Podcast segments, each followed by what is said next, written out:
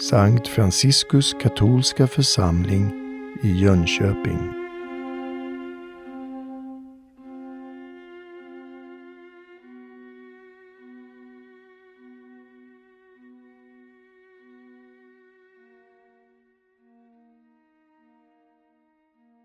För några år sedan så mötte jag en boxare.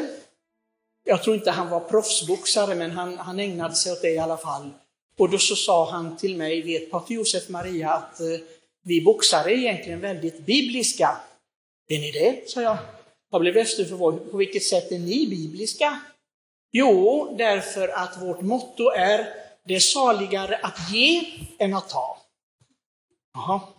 Jag sa, jag tror inte att det var det Herren menade riktigt. Eh, men i alla fall, om ni tycker att ni är bibliska så är det bra med det.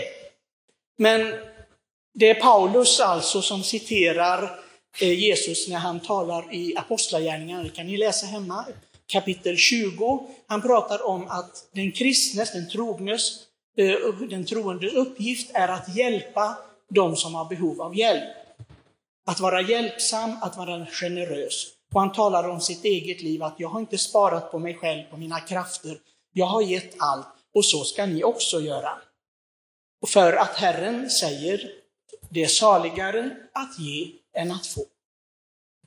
Så det är sammanhanget. Och idag så talar läsningarna just om det här. Den här generositeten, den här självutgivandet som Herren vill se i sina trogna. Och det börjar med läsningen om den, det är två änkor här faktiskt som får visa prov på, eh, på generositet, att ge av sig själva. Och vi vet att eh, i Bibeln var det tre kategorier av människor som var de mest utsatta, som man skulle hjälpa, inte som man tänkte på skulle hjälpa andra. Och det var änkor, faderlösa och främlingen. Och det var de tre kategorierna. Och de här två damerna här, både i första läsningen med Jesaja och i evangeliet, var änkor, alltså tillhör den här utsatta grupperna. För det första var hungersnöd i landet och eh, Elias som då var en Guds profet och, och som var känd som det, han kommer till, eh, till den här änkan och eh, säger, gör en kaka bröd åt mig, detta är vad Herren vill. Inte därför att han var, så att säga, ville ta någonting ifrån den här änkan, men han skulle bevisa någonting i Herrens namn. Och änkan som sa först, jag har bara det här lilla, jag har lite mjöl här och, och, lite olja i kruset och jag måste tillreda en liten kaka och sen ska jag och min son äta det och så dör vi av svält. Sen finns det inte mer, det finns inget hopp. Men Elia han lovar att den som ger ut av sig själv, även det sista, Herren ska ta hand om den personen. Herren låter inte den liksom lida nöd, den som verkligen är självutgivande och vill i Herrens namn vara generös och ge av sig själv, av sitt liv. Och så hände. Änkan och hennes hus, alla där, hade att äta så länge den här så att säga, nöden pågick. Och sen går vi över då till evangeliet, en annan änka. Och eh, där sitter Herren vid kollektkistan. Så vi vet att Herren tittar på vad ni ger i kollekten. Mm. Tänk på det. Det är många som tycker att det är en sekundär sak, men Herren tittar på detta. Han sätter sig just vid kollektkistan för att titta.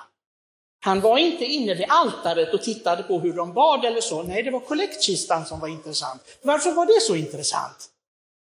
Templet, det vet vi, var hur rikt som helst.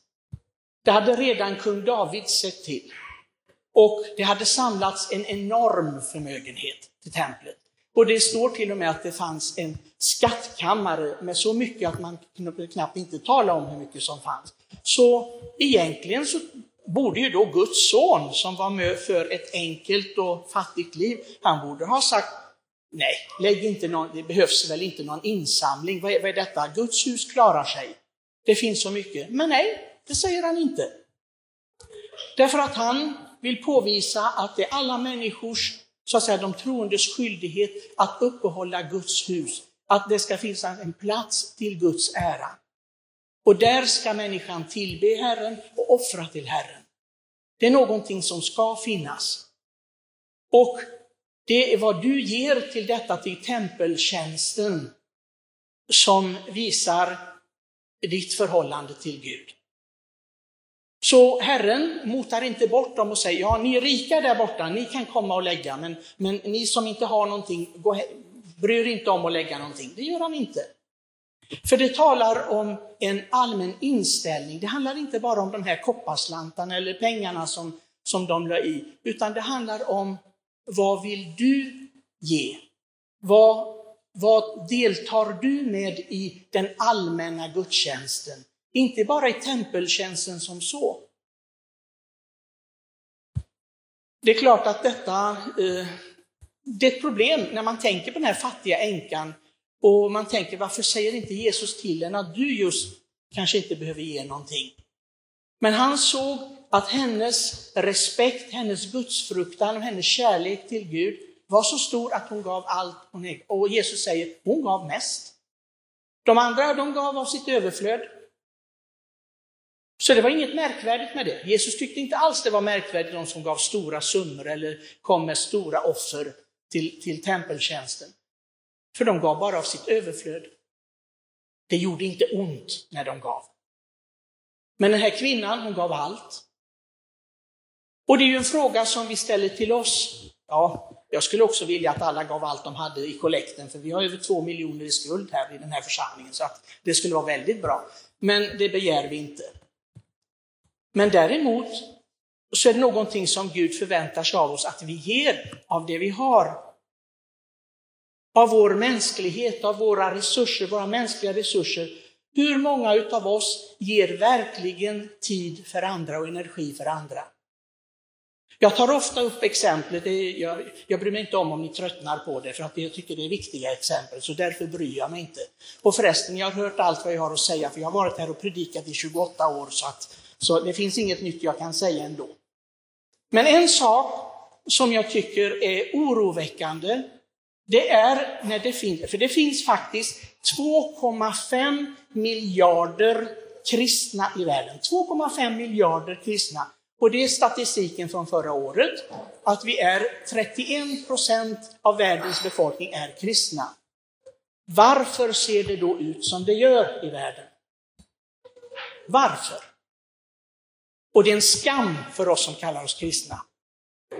Varför får man läsa i tidningen att det ligger döda människor i en lägenhet och inte en människa, de upptäcker det först när det luktar i huset. Varför? Finns det inte en enda kristen i, i trappuppgången? Jag har själv levt i ett hyreshus, jag vet vad det är att leva i ett hyreshus. Och vi gick och knackade på våra grannar, vi hade en gammal dam mitt emot oss, vi knackade ibland för hur har du det? Behöver du hjälp med någonting? Och hon var så glad för det. Liksom, vi, vill bara se att du lever. Vill du ha kaffe? Någonting? Kan vi hjälpa dig med någonting? Ska det vara så svårt att vara kristen? Det handlar om detta mina vänner. Sen det, det är självklart, det, det, är lätt att skicka ett bidrag till fattiga i något utvecklingsland. Det skickar en slant på girot, det går, det är automatiskt. Det,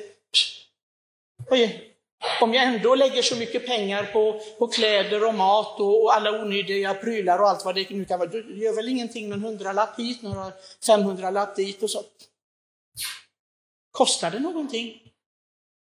Är det verkligen att ta till av, av det man är? Att uppmärksamma de som ingen har. Att vara kärleksfull mot de andra. Hur, hur, hur pass kristna är vi egentligen? Det finns de kristna som inte kan vara så generösa att de förlåter andra runt omkring dem. Går och, och ruvar som en höna på ett ägg av sådana saker som har hänt. Någon har sagt någonting, eller någon har gjort dem någonting, eller inte gjort det de borde göra, och är arga och, och irriterade för detta. Vad för slags kristna är vi? Frågar vi oss aldrig detta? Frågar vi oss aldrig om vi lever evangeliet eller inte? Eller är det bara en sagostund för oss? Det, det är mysigt i kyrkan, det är lite ljus och musik och vi träffas och vi har det trevligt och gott tillsammans. då skulle jag säga då är det en bortkastad tid. Bortkastad tid och energi. Jag tänker många gånger när jag, när jag ser och hör människor utifrån som säger, ni kristna, ni är riktiga hycklare. Ni är inte ett, gott, inte ett dugg bättre än vi andra som inte bekänner oss till Gud. Och då skäms jag. Då tänker jag, jag kan inte säga, svara emot detta. Jag tycker det är så. Herren står där vid den här kollektkistan och tittar, vad ger vi? Vad vill vi ge? Och som sagt, det handlar inte bara om pengar. Om det vore så enkelt. Det handlar om mitt liv. Vad ger jag verkligen? Hur mycket satsar jag? Hur mycket satsar ni som är gifta på kärlek till den ni är gift med? Hur mycket satsar ni? Tycker du att det räcker med några procent kärlek och sen får det vara nog? Det är precis som, vi har ju 50 procent skilsmässor i Sverige. Hur mycket vill jag satsa i den här potten? Satsar jag verkligen allt? Säger verkligen de som är gifta med varandra att du är Guds stora gåva för mig? Säger de det verkligen till, eller tänker de det varje dag när de vaknar på morgonen tills de somnar på kvällen? Säger de verkligen ni det? Jag är inte själv gift så jag vet inte. Men jag som inte är gift, som har gått i kloster, måste säga det varje dag. Detta är min livsuppgift. Det finns många gånger, må ni tro, som jag gärna skulle vilja packa mina väskor och ge mig iväg. Många gånger. Jag ska inte, jag ska inte liksom gömma det eller, eller säga åh, jag, jag lever i ett andligt rus hela dagarna. Absolut inte. Det är inte.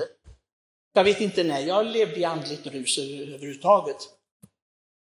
Men däremot måste jag säga till mig, det här är min livsuppgift, jag måste ge kärlek i det. Jag måste lägga all min kärlek i detta, därför det är vad Gud vill. Jag kan inte lägga bara av mitt överflöd i det och leva ett eget liv vid sidan om. Det går inte. Herren står där och tittar. Ja, till Josef, Maria, vad lägger du i, den här, i det här offret? Lägger du allt eller bara av lite överflöd? Och det är så överallt mina vänner. Herren ser vad vi ger. Ger vi verkligen allt av förlåtelse och barmhärtighet och frid till de människorna vi umgås med? Eller sitter vi där bara irriterade på alla runt omkring oss?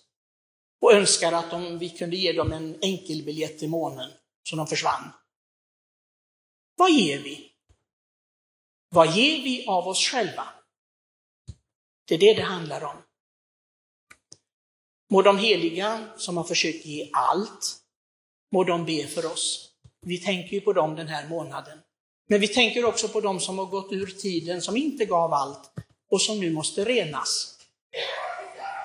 Må Herren förbarma sig över oss alla. I Faderns och Sonens och den heliga